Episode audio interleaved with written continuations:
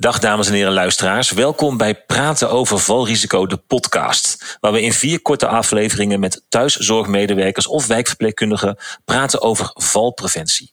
Want dat is een urgent probleem. Elke vier minuten wordt een 65-plusser op de spoedeisende hulp opgenomen door een valongeluk. Mijn naam is Koen van Goezen en vandaag gaan we bespreken hoe jullie, professionals, de risico's al op tijd kunnen signaleren. En hiermee de valrisico's voor jullie cliënten al kunnen verlagen.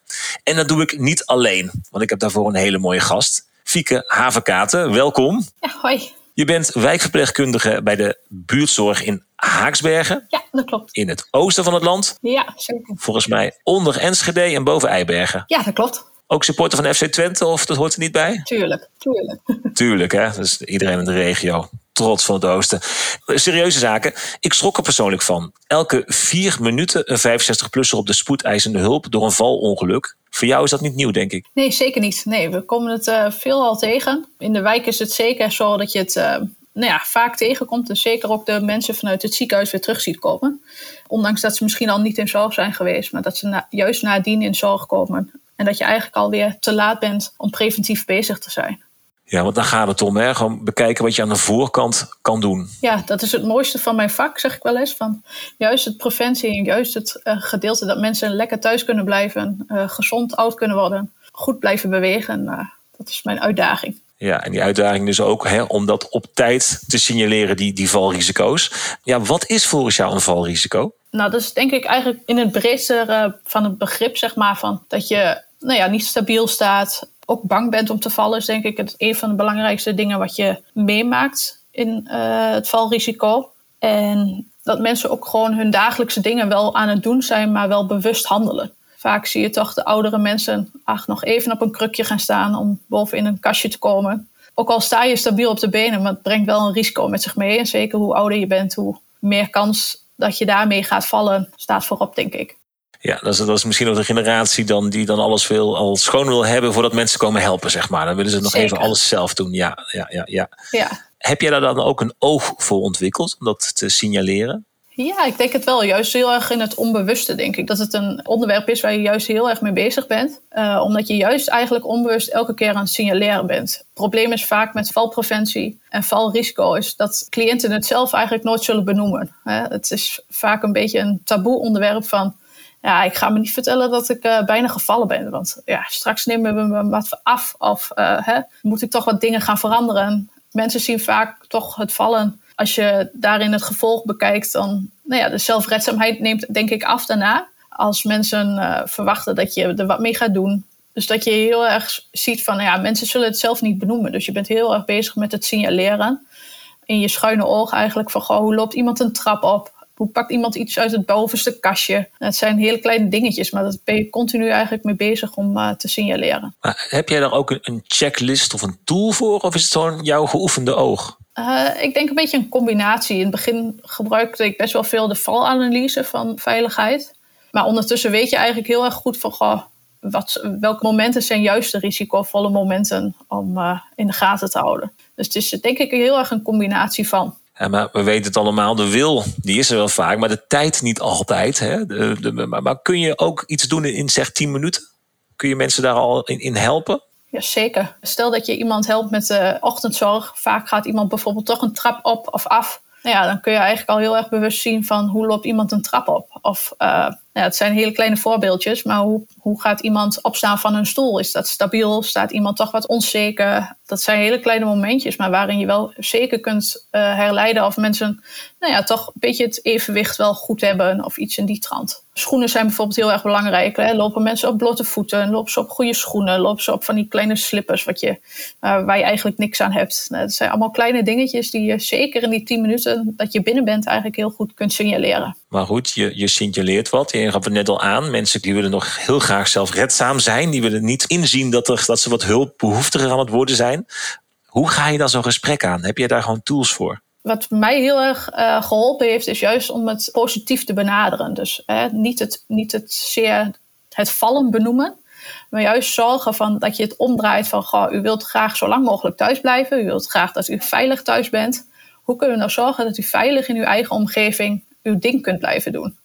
In plaats van, nou ja, hè, ik zie dat u vaak valt. Uh, we moeten er wat aan gaan veranderen in huis, want anders gaat het niet goed. Dan is de insteek heel erg anders. En ik denk dat dat juist je doel is om te zorgen dat mensen thuis blijven wonen. Dus dan wil je dat juist op een goede manier en een positieve manier gaan doen. Ja, ja je, je helpt ze echt om zeg maar hun doel te bereiken. Ja, ja, want je doel is eigenlijk niet om het vallen te voorkomen. Maar het doel is echt om gezond oud te worden. En als jij gezond oud wordt, dan valt je valrisico gewoon een stuk minder. Dat je bewust bezig bent met wat je aan het doen bent. Want dat wil iedereen gezond oud worden, toch? Ja, ja dat lijkt me wel. En daar ben jij voor ook, hè, om te informeren over die mogelijkheden die er dus zijn. Zeker. Ja, er zijn zoveel mogelijkheden en mensen zijn er vaak helemaal niet bewust van. Wij gebruiken in Haaksberg heel erg het multidisciplinaire. Dus hè, van, ik heb kennis van waar ik mensen naartoe kan sturen. Ik heb kennis van de algemene dagelijkse behoeftes van mensen. Maar goed, een, fysio is weer goed in het verbeteren van je spierkracht. Om te zorgen dat je spieren hè, en je evenwicht beter worden. Een ergotherapeut is weer heel erg kijkend naar de omgevingsfactoren. Dus echt van, goh, hoe zit het huis in elkaar? Wat kan hier veranderd worden? En je hebt natuurlijk ook de podoloog bijvoorbeeld voor de schoeisel. Dus nou ja, weet je, daarin sta je met elkaar sterk. En dat is eigenlijk de kracht die je hebt als wijkverpleegkundige. En ik denk ook zeker de thuiszorg. Dat je het samen doet. En samen kun je ervoor zorgen dat iemand ook zijn doel gaat bereiken. Ik vind het heel mooi dat je zo zegt. Het is gewoon teamwork. Zeker, ja. ja. Het lijkt altijd alsof je in de thuiszorg alleen staat. Maar dat sta je absoluut niet. En samen sta je sterk, denk ik. Jij hebt inmiddels een soort ervaren oog uh, ontwikkeld. Maar collega's misschien met iets minder ervaring op dit gebied. Hoe moeten die leren kijken eigenlijk om ja, vallen te kunnen voorkomen? Nou, je hebt indicatoren die helpen om te kijken naar wanneer hebben mensen uh, meer valgevaar. Daarin heb je ook het risico uh, van vallen wat bekeken wordt. Dus hè, staat iemand stabiel, is iemand mobiel, is iemand al vaker gevallen? Nou ja, dat is het allereerste wat je eigenlijk signaleert. En daarna ga je door op de indicatoren. En ik denk als je die indicatoren goed in je hoofd hebt, dat je daarin automatisch dan het stukje kijk gaat verbreden en dat je je daar beter in kunt verdiepen. Dus jouw praktijk in combinatie met dit zorgt ervoor dat jij daar gewoon een soort vingerspitsengevoel voor hebt gekregen? Ja, dat denk ik wel. Ja. En dan maak je het ook veel meer je eigen, uh, waardoor het veel meer gewoon je dagelijkse ding wordt. In plaats van dat je netjes een lijstje afgaat waar iemand bij zit en dat je vragen gaat stellen. Zijn er ook nog zaken waar je tegenaan loopt als je het hebt gesignaleerd en die hulp in werking wil gaan zetten? Dat je denkt van nou dat gaat soms niet goed. Of is het bij jullie echt allemaal dat je denkt van wauw, Meestal gaat het goed, maar het is inderdaad wel zo, je moet je cliënt wel mee hebben. Uh, je kunt dit allemaal in gang gaan zetten, maar als jij een cliënt hebt die weigert, ja, dan trek je eigenlijk aan een dood paard. En dan ga je het ook niet bereiken. En hoe graag je het ook zelf wil en hoe graag je collega's het ook willen. Als iemand niet bereid is om aanpassingen te doen, dan wordt het denk ik vrij lastig om het risico te verlagen en om echt je doel te bereiken. Ja, want als ik jou hoor, is valpreventie echt een, een wezenlijk onderdeel van jouw werk. Ja, zeker. Ja, en ik denk dat het een onderdeel is wat heel erg een beetje ondergeschoven is. En dat je inderdaad, juist doordat je het heel erg doet op de momenten dat iemand het niet in de gaten heeft, ben je er veel meer onbewust mee bezig. En is het niet zozeer een hoogstaand punt waar je gelijk elke dag mee bezig bent, maar in je onderbewuste denk ik wel. Is dat ook je gouden tip? Vraag altijd een gouden tip. Ja, ik denk het wel. Ik denk juist doordat je onbewust misschien uh, moet gaan omzetten naar het bewuste soms, maakt het wel dat je eigenlijk veel meer weet dan dat je voor ogen hebt. Als je met een cliënt in gesprek gaat, is het heel anders dan iets wat jij signaleert. Dus een cliënt kan zeggen tegen jou: Ja, nee, het gaat zo goed. Ik uh, voel me helemaal goed als ik op het krukje sta en uh, niks aan het handje. Maar als je hem daarnaast ziet bewegen en uh, bibberend de stoel op ziet staan, nou ja, dan vraag ik me dat wel af. Dus dan ben je toch, denk ik, hè, heb je toch aan je signaleren meer dan het gesprek wat je met een cliënt voert. Je plant het ook langzaam in hun hoofd dan, wat je net zei. Ja. Langzaam laat je. Ja, ja, ja, ja.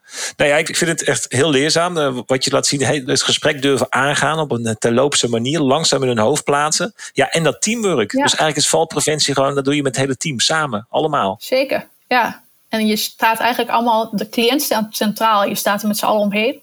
Maar uiteindelijk heb je allemaal hetzelfde doel in, uh, voor ogen. En uh, daar ga je met z'n allen naartoe werken. En het doel is gezond oud worden. Zeker, ja. En blijven staan. En blijven staan op het krukje. nou ja, dank je. Ik heb veel geleerd over het reilen en zeilen in Haaksbergen. En hoe jullie daar in teamverband uh, werken aan valpreventie. Bedankt voor je fijne en ook praktische tips.